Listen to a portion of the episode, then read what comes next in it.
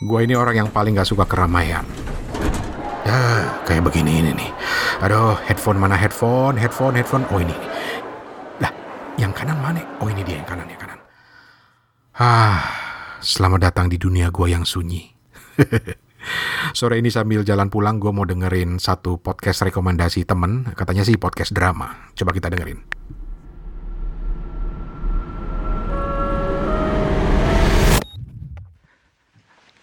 Dead air.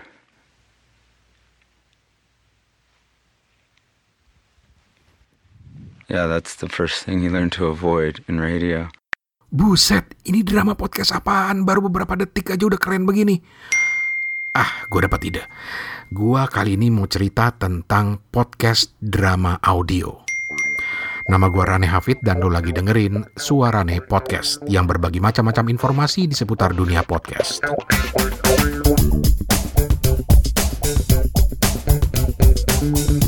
Hey, apa kabar? Assalamualaikum. Sebelum kita mulai ada catatan awal dari gue. Jadi di episode ini gue bakal nyebut banyak nama-nama podcast dan link atau tautan ke podcast itu nanti akan gue pasang di show notes atau di website gue di suarane.org. Jadi tenang, lo nggak perlu nyatet-nyatet lagi. Pokoknya tinggal lihat di situ dan klik nanti. Oke, gue mau mulai dengan satu podcast keren yang sempat gue singgung sedikit tadi ya di pembukaan. Podcast ini direkomendasi nama seorang teman, seorang penyiar radio dan TV yang tinggal di Amerika, namanya Vina Muptadi. Hai Vina, thank you banget uh, buat rekomendasi podcastnya. Kalau ada yang lain ditunggu ya rekomendasi yang lain. Nah, podcast yang direkomendasiin oleh Vina ini judulnya Blackout.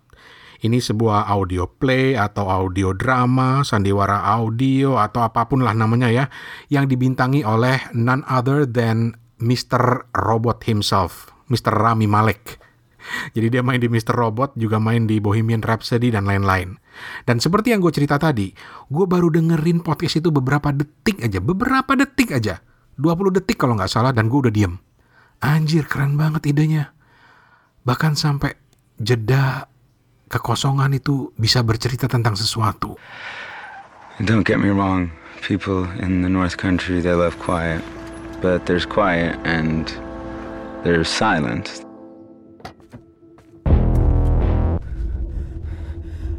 Hey! Who is there? Jadi cerita di Blackout Podcast ini berkisar di seputar sosok yang bernama Simon Itani. Simon Itani seorang penyiar radio di sebuah kota kecil di Amerika Serikat yang mengalami pemadaman listrik. Kalau di Amerika namanya blackout. Ya kalau di Indonesia ya namanya mati listrik. Dan kalau mati listrik ya udah tinggal lari ke warung sebelah nyari lilin gitu. Malum aja lah. Tapi ini di Amerika. Ini hal yang tidak biasa. Makanya Simon Itani kemudian kepo dan mencoba mencari tahu kenapa sampai ada pemadaman listrik dan di situlah petualangannya bermula. Jadi ternyata pemadaman itu adalah bagian dari sebuah konspirasi besar untuk menghancurkan peradaban manusia yang sudah sedemikian tergantung pada teknologi. nah yang keren banget dari podcast Blackout ini adalah editingnya. Lu harus pakai headphone yang stereo kiri kanan baru lu akan nyadar kalau suara itu edan banget tiga dimensi cuy. Seolah-olah lu terlibat di dalamnya. Mulai dari efek suara saat tokohnya lagi lari sampai serasa lu ikut-ikutan ngos-ngosan gitu. Sampai suara keraungan pesawat tempur yang seakan-akan lewat di atas kepala kita. Bahkan sampai ke jeda atau kekosongan di sela-sela podcast itu. Funny thing about silence, though, if you sit with it long enough, you might hear something that was there all along. Ah, edan lah ini Blackout Podcast ini. Oh ya, linknya ada di show notes episode ini ya, atau di suarane.org nanti. Jadi lu nggak perlu nyatet-nyatet. Um, Blackout Podcast ini udah lama sebenarnya dari Maret sampai April 2019 dan konon akan memasuki season kedua. Bahkan katanya bakal jadi serial televisi juga dengan bintangnya si Rami Malek sendiri. Anjir, keren banget. Ya mungkin karena sosok Rami Maleknya ya, tapi juga karena cerita dan audionya yang keren. Itu yang bikin Blackout jadi ngetop banget. Tetapi sebelum podcast Blackout-nya Rami Malek ini ngetop, udah ada duluan podcast yang ngetop dengan ceritanya yang namanya Serial Podcast. Serial podcast yang sekarang udah ada tiga season itu diproduksi oleh Sarah Kunik dan Julie Snyder dari podcast This American Life. This is a Global Tel-Link prepaid call from Adnan Sayed. an inmate at a Maryland correctional facility. This call will be- From This American Life and WBEZ Chicago, it's Serial, one story told week by week. I'm Sarah Koenig. Serial ini cuy adalah dramatisasi audio dari investigasi kasus-kasus kriminalitas nyata yang dilakukan oleh si hostnya, si Sarah Kunik ini. Eh, misalnya di season 1 yang udah di-download oleh lebih dari 70 juta pendengar itu, itu berkisah tentang pembunuhan seorang pelajar di Baltimore. Uh, sementara di season 2 yang lebih terkenal lagi itu berkisah tentang seorang prajurit Amerika yang pernah ditahan oleh Taliban selama lima tahun dan kemudian dituding melakukan desersi. Jadi semua proses investigasinya itu dituangkan dalam sebuah podcast yang didramatisasi. Bukan dilebay-lebayin tapi dibuat seperti layaknya sebuah drama. Nah, saking ngetopnya, serial yang pernah dapat penghargaan Peabody Awards, sebuah penghargaan untuk media di Amerika, ini pernah dijuluki sebagai salah satu fenomena budaya terbesar di tahun 2014. Bahkan banyak juga pengamat budaya di Amerika sana yang mengatakan bahwa serial podcast dan juga nantinya Blackout Podcast ini adalah contoh sebuah modern storytelling. Itu istilah mereka, modern storytelling. Jadi storytelling atau bercerita yang modern. Ah, elah, modern storytelling. Ini, modern storytelling ini, istilah yang sebenarnya basi cuy. Karena udah pernah dipakai bahkan dari tahun 1938. 1938. Jadi, di tahun 1938, Amerika dikagetkan dengan sebuah drama audio. Ya, drama radio sih tepatnya, tapi kan audio. Yang berjudul War of the Worlds. Columbia Broadcasting System and its affiliated stations present Orson Welles and the Mercury Theater on the Air in The War of the Worlds by H.G. Wells. Tanggal 30 Oktober 1938, malam hari saat orang Amerika sedang merayakan Halloween. Kantor-kantor polisi di negara bagian New Jersey, Amerika menerima banyak sekali telepon pengaduan. Semua menanyakan, apa benar berita di radio yang bilang kalau ada benda aneh jatuh dari langit dan jatuh di sebuah daerah pertanian di kota mereka. Terus ada juga yang nanya, apa benar itu makhluk dari Mars yang sedang menginvasi bumi? Jadi semua terjadi gara-gara sebuah drama radio yang diputer di stasiun CBS Radio yang berjudul War of the Worlds. Jadi War of the Worlds ini diadaptasi dari buku atau novel tepatnya karya H.G. Wells yang dikenal sebagai salah satu pelopor novel-novel fiksi. Lalu kemudian diadaptasi menjadi drama radio oleh sosok yang bernama Orson Welles. Ini uh, H.G. Wells sama Orson Welles nggak ada hubungannya ya, walaupun namanya sama. Nah, War of the Worlds versi audio ini mengambil setting sebuah acara radio biasa yang sedang menayangkan musik-musik jazz. Jadi tahun 38 tuh orang dengerin radio itu masih dengerin musik-musik jazz gitu ya, santai gitu. Tetapi tiba-tiba terputus dan ada penyiar yang menginterupsi siaran dengan sebuah informasi penting. Ladies and gentlemen, we interrupt our program of dance music to bring you a special bulletin from the Intercontinental Radio News. At 20 minutes before 8 Central Time, Professor Farrell of the Mount Jennings Observatory, Chicago, Illinois... Nah, isi interupsi berita itu singkat saja. Dikabarkan para astronom menemukan telah terjadi serangkaian ledakan aneh di planet Mars dan pihak berwenang sedang menyelidiki penyebabnya. Acara radio kemudian berlanjut lagi dengan musik-musik seperti biasa ya. Teh, teh, teh. Tapi kemudian diinterupsi lagi dengan perkembangan terbaru termasuk ketika ada benda aneh yang diberitakan jatuh di sebuah peternakan di luar kota New Jersey. We take you now to Grover's Mill, New Jersey. Ladies and gentlemen, this is Carl Phillips again, out at the Wilmot Farm, Grover's Mill, New Jersey. Professor Pearson and myself made the 11 miles from Princeton in 10 minutes. Eh, lu kebayang nggak? Orang yang baru ngikutin drama ini di tengah-tengah ya bakal nyangka ini kejadian beneran. Dan wajar kalau sempat terjadi kepanikan di mana-mana, terutama di kota New Jersey ya. Emang ngeselin banget sih, tapi justru di sinilah hebatnya pendekatan drama ini yang seolah-olah sedang terjadi dan melibatkan pendengar. Banyak yang kemudian menyebutnya sebagai modern storytelling. Ya maklum, dulu drama-drama radio memang lebih ke drama-drama yang standar lah ya. Dan orang ketika itu nggak pernah dengar ada drama yang model kayak begini ini. Ah, pokoknya keren cuy. Oh ya, drama War of the World ini yang aslinya masih bisa lo dengerin. Nanti gue kasih linknya ada di show notes gue, jadi tinggal klik aja di situ. Sekarang kita lanjut lagi.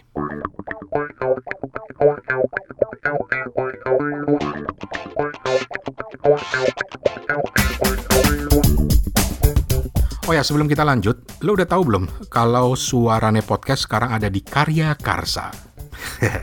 Karya Karsa ini adalah sebuah platform yang mengajak audiens untuk memberikan support atau apresiasi kepada konten kreator favorit mereka dalam bentuk finansial.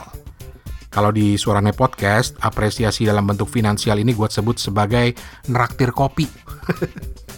Jadi kalau kalian pikir suarane podcast ini ada manfaatnya atau minimal menghibur lah ya dan kalau kalian ada rejeki lebih di saldo GoPay kalian itu atau di OVO kalian ya bolehlah traktir gua ngopi di karyakarsa.com garis miring suarane karyakarsa.com garis miring suarane.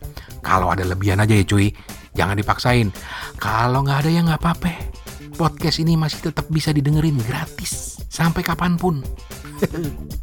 ya wes kita lanjut.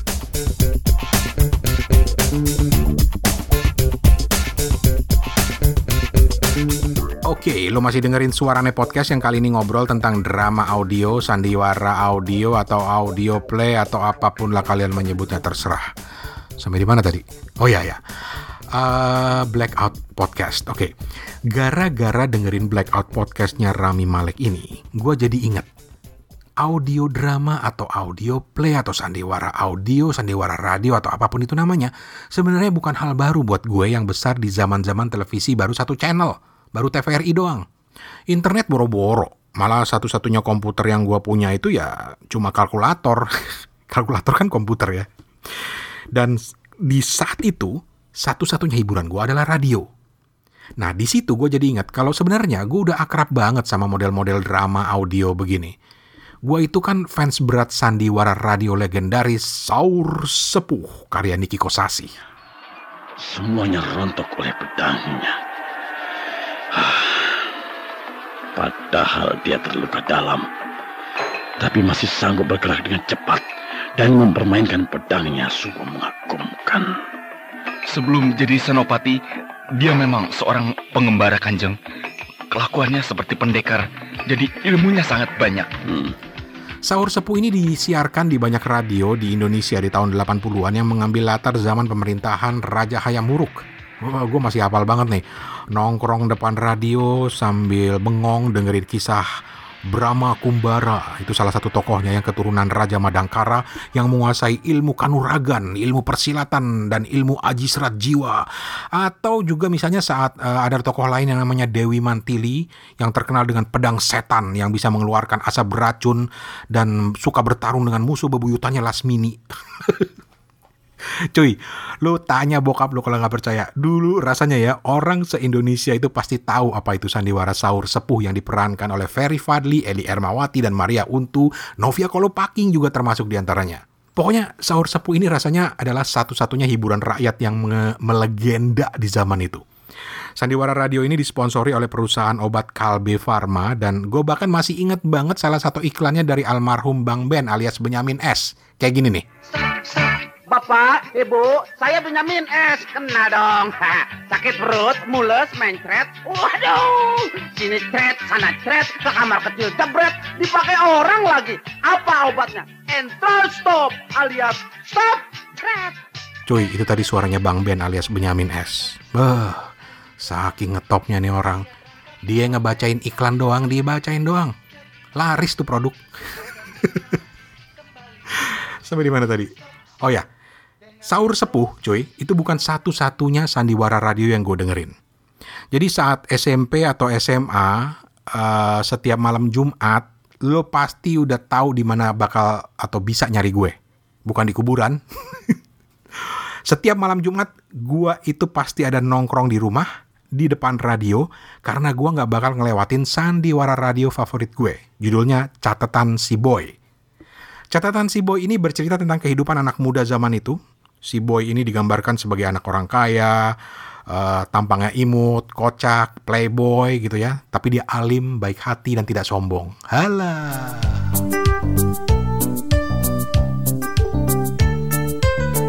Ini hari ceritanya si Ida mau traktir gue karena doi baru aja menang and jadi juara pon tenis. Wow sedap nggak tuh?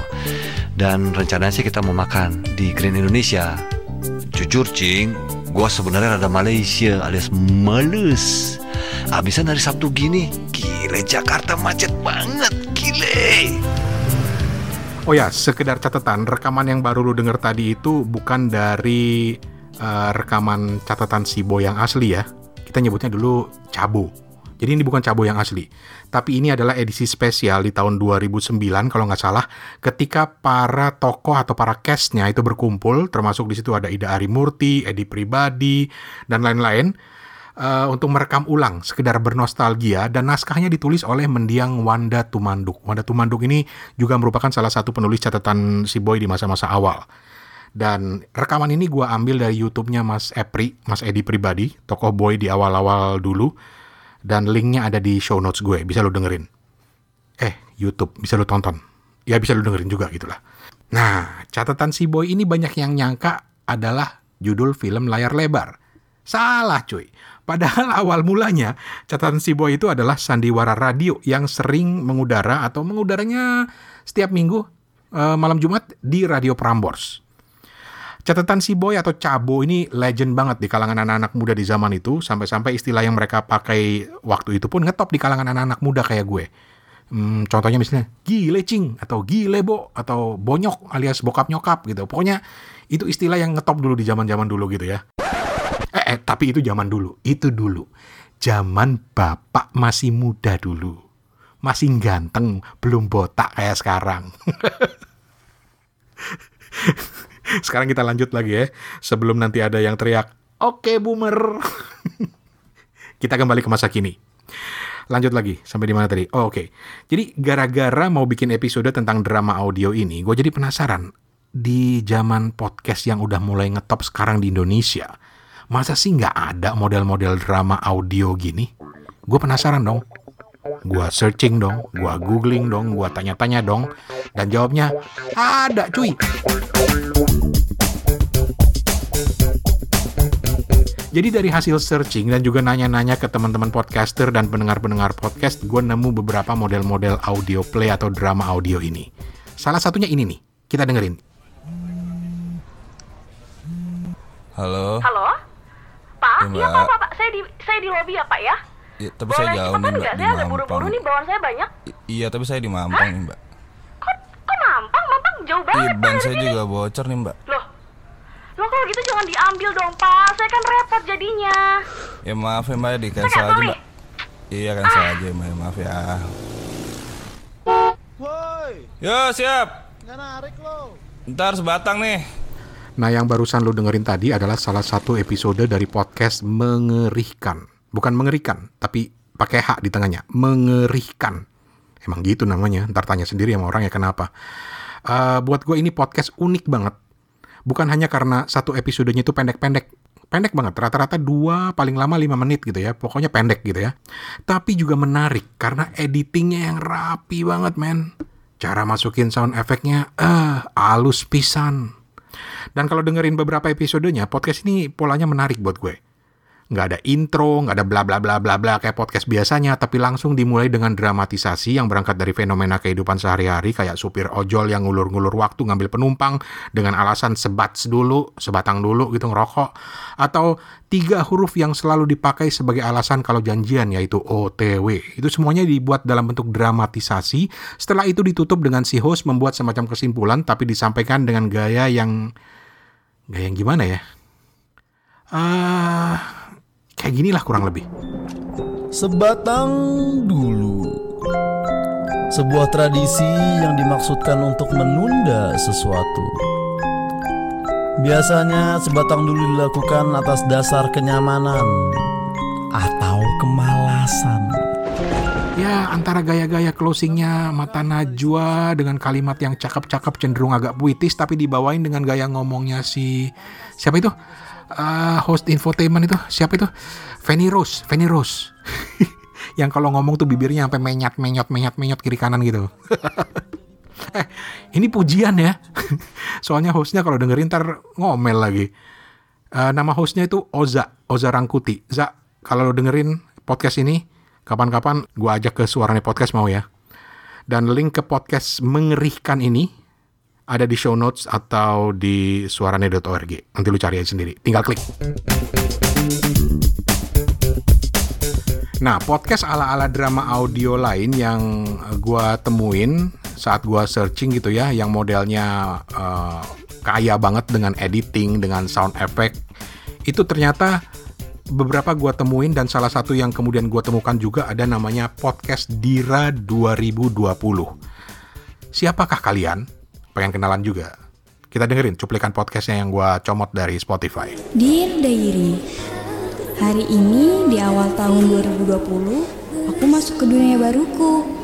Waktu inilah yang aku tunggu-tunggu, yaitu mengenakan seragam putih abu-abu. Hmm, Semoga. Jadi podcast ini pertama kali muncul di akhir Desember 2019 lalu. Intinya menceritakan tentang tokoh cewek baru masuk SMA, namanya Dira, dan diawali dari ketika dia ikut kayak apa ya orientasi anak baru di sekolah gitulah. Sejauh ini baru ada tiga episode uh, saat gue upload podcast ini, tapi ini sekilas mengingatkan gue sama gaya-gaya drama radio ala catatan si boy yang berangkat dari isi catatan harian si tokoh. Cuma durasinya lebih pendek. Durasinya yang tiga episode itu cuma sekitar 5 menitan. Overall buat gue ini promising banget. Dan mudah-mudahan berlanjut ya. Ada yang kenal hostnya nggak si podcast ini? Terus apalagi ya? Ada lagi podcast audio drama yang gue mau share di sini namanya Madar Podcast. Madar Podcast. Kalau lihat di deskripsinya, Madar Podcast ini adalah sebuah podcast bergenre audio drama yang mengajak pendengar bersandiwara dalam suara memvisualisasikan dengan liar adegan-adegan yang digambarkan via suara. Temanya lebih ke kasus-kasus kriminal yang tidak biasa. Gitu tulisan di deskripsinya. Kita dengerin cuplikannya. Hai, nama saya Galang. Umur 28 tahun, seorang mahasiswa kriminologi yang lulus dengan predikat termuda dan terbaik di salah satu universitas favorit di Bandung. Sekaligus mantan narapidana. Keren ya. Dan ya. saat episode Suarane Podcast yang ini mengudara, itu gue perhatikan di Madar Podcast itu baru ada dua episode. Uh, keluarnya di bulan yang berbeda, tetapi saling bersambung. Jadi dia uh, bercerita tentang sosok yang bernama Galang, mantan mahasiswa kriminologi, mantan napi, yang kerja di kepolisian membantu polisi memecahkan kasus-kasus kriminalitas, sekaligus juga dia berusaha menangkap orang yang menjebak dia masuk ke penjara dan menyebabkan dua orang tuanya meninggal. Kamu pernah nggak sih sedikit aja berusaha memahami keadaan ini, ha? Jawab! Kalau seperti ini terus, untuk apa aku mempertahankan pernikahan ini? Dengan suami seperti kamu?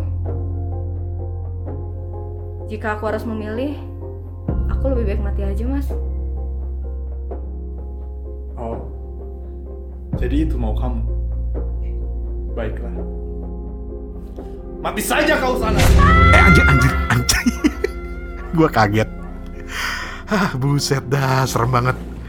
Aduh, mana nih lanjutannya nih? Aduh, upload lagi dong. Janganlah gantung kami para pendengar ini. Gimana pula cerita si Galang ini seterusnya? Penasaran kita. Ah, tapi men, gue seneng banget ketemu podcast-podcast kayak gini yang digarap serius banget. Uh, orang Amerika tuh boleh bangga sama Blackout Podcast atau Serial Podcast, tapi di Indonesia ada juga cuy, ada. Oh ya, Makasih buat Dipta alias Pradipta Nugrahanto yang udah share podcast ini, podcast Madar ini. Ini produksinya anak Bandung rupanya. Ah.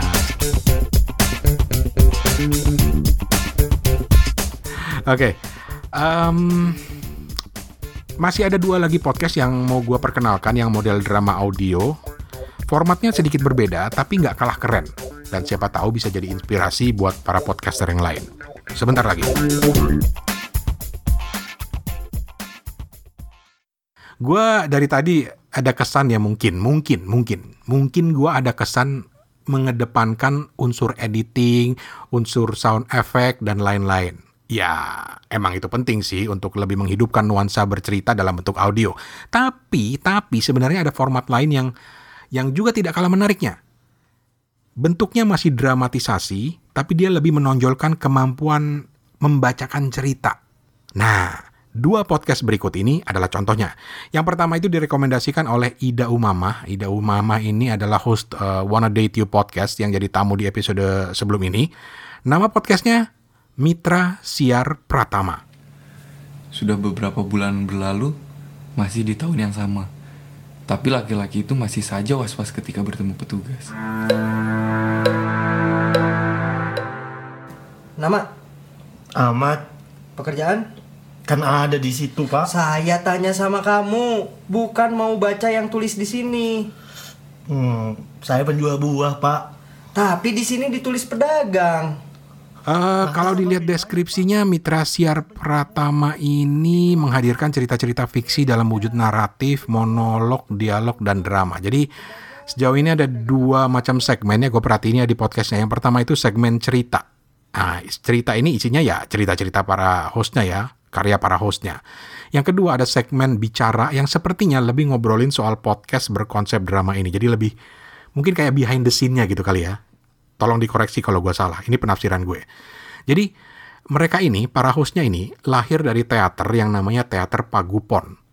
Ah, pantas ceritanya keren-keren. Anak teater. mereka biasa bikin drama-drama termasuk drama radio kali ya. Dan ah, pokoknya keren lah. Sukses, sukses banget buat geng Mitra Siar Pratama kalau lagi dengerin podcast ini. Oke, satu lagi, satu lagi. Nah, kalau ini agak personal nih, karena gue udah pernah ikutan beberapa kali. Ini yang disebut sebagai segmen pembaca menulis dari podcast Main Mata. Jadi podcast Main Mata ini adalah sebuah podcast tentang buku yang berada di bawah jaringan Podluck Podcast. Idenya sederhana banget. Ide pembaca menulis ini maksudnya. Jadi, Patty, Patty ini nama host Main Mata, itu dapat ide untuk bikin segmen baru di podcast Main Mata yang namanya Pembaca Menulis. Dan seperti namanya, ini segmen yang mengajak pendengar podcast Main Mata yang selama ini udah sering membaca untuk juga sekarang mencoba menulis. Dalam hal ini menulis cerpen dengan tema yang sudah ditentukan bersama, uh, maksimal seribu kata dan nanti akan diudarakan di podcast Main Mata. Ini contohnya nih. Kata orang jatuh cinta itu menyenangkan. Ternyata itu benar. Mereka nggak bohong. Aku jadi teringat saat pertama kali jatuh cinta sama teman dekatku. Namanya Abi ya sama Hendra. Awalnya aku tak menyangka benar bisa jatuh cinta sama Abi. Orang tua. Nah, yang menarik dan menantang dari menulis dan membacakan cerpen ini adalah menulis dan membacakannya. Beneran. Menulis itu jelas tantangan banget. Menulis cerpen itu nggak gampang, coy. Itu tantangan. Satu. Membacakannya juga tantangan karena ternyata nggak mudah untuk menarasikan sebuah cerpen. Sepanjang perjalanan, dia terus memikirkan skenario putus yang sudah dirancang sejak beberapa hari lalu. Pokoknya nanti selesai nonton film, gue akan minta langsung pulang aja. Terus trio akan anterin gue ke rumah, dan sebelum gue turun dari mobil, gue akan minta putus. Nah, lu yang tertarik, lu cari podcastnya Main Mata ada di Spotify atau di aplikasi lain gitu ya. Terus cari yang namanya segmen pembaca menulis. Uh, saat podcast ini mengudara udah ada dua segmen, eh dua apa tiga segmen gitu ya. Uh, dan gue udah ikutan dua kali. Nagih cuy, nagih beneran walaupun menantang tapi nagih. Oh ya, sekali lagi link ke semua podcast yang disebut di sini termasuk uh, podcast Main Mata. Ini ada di show notes atau deskripsi podcast episode ini atau di web di di website website di suarane.org. Ya, begitulah teman-teman. Semoga suka dengan episode ini dan buat para podcaster, penulis, anak teater dan lain sebagainya semoga terinspirasi. Ya, kita perlu lebih banyak lah podcast-podcast model audio drama macam gini nih. Perlu banget. Nah, kalau lu ingat cerita gue tadi tentang drama War of the Worlds di tahun 1938, itu tuh yang drama radio tentang invasi makhluk Mars ke Amerika itu. Nah, gue punya cerita tambahan yang buat gue menarik. Jadi ada seorang penyiar dan jurnalis kondang Amerika di zaman dulu namanya Steve Allen yang ketika dia masih muda, masih usia 17-an tahun, termasuk yang mendengarkan drama radio War of the Worlds yang bikin heboh ini. Dia dan keluarganya termasuk yang tertipu, sampai lari-lari keluar rumah cuy karena benar-benar nyangka ada invasi makhluk Mars gitu. Nah, Beberapa saat kemudian, saat dia sudah menjadi broadcaster kondang, udah jadi penyiar kondang, Steve Allen inilah yang konon menjadi orang pertama yang memperkenalkan istilah theater of mind. Theater of mind. Jadi lengkapnya dia bilang begini dalam bahasa Inggris. Radio is the theater of mind. Television is the theater of the mindless. Radio is the theater of mind, television is the theater of the mindless. Ah, theater of mind. Theater of mind ini orang yang belajar radio rasanya pernah dengar istilah ini. Yakni bagaimana radio lewat medium audionya bisa menciptakan sebuah gambaran yang nyata di benak para pendengarnya hanya dengan bermodalkan suara, hanya dengan bermodalkan audio. Dan terbukti, Bahkan sampai di tahun 2020 ini masih banyak podcaster termasuk di Indonesia yang mampu menghadirkan teater-teater dalam benak para pendengarnya. Ya buat gue pribadi ini subjektif orang audio ya, orang radio ya. Uh, buat gue gambar yang diciptakan oleh suara itu jauh lebih menarik dari gambar dalam bentuk visual karena setiap pendengar punya kebebasan memvisualisasikan sendiri apa yang mereka dengar tergantung kecanggihan dari si podcasternya dalam memberikan gambaran di benaknya. Teorinya begitu. Ya udahlah, sekian Suarane Podcast kali ini. Makasih banget buat yang udah dengerin. Jangan lupa pencet subscribe atau follow ke Suarane Podcast di aplikasi podcast apa pun yang lo pakai. Dan kalau lo emang ada rezeki lebih, ya ikut support podcast ini di karyakarsa.com garis miring suarane. karyakarsa.com garis miring suarane. Kalau lo ada pertanyaan seputar podcast, insya Allah kalau gue bisa jawab, gue akan jawab. Dengan senang hati gue akan jawab. Termasuk juga nanti akan gue sertakan di beberapa episode Suarane Podcast ini. Email aja pertanyaan-pertanyaan lo ke suarane@gmail.com, suarane@gmail.com atau ke WhatsApp 087878505012 087878505012 Pertanyaan juga bisa diajukan dalam format rekaman audio. Kirim ke voice note di WhatsApp atau email dan nanti akan gue udarakan di salah satu episode Suarane Podcast lengkap dengan jawabannya. Insya Allah Baiklah, dari Bangkok, Thailand, gue Rani Hafid pamit. Permisi, Assalamualaikum.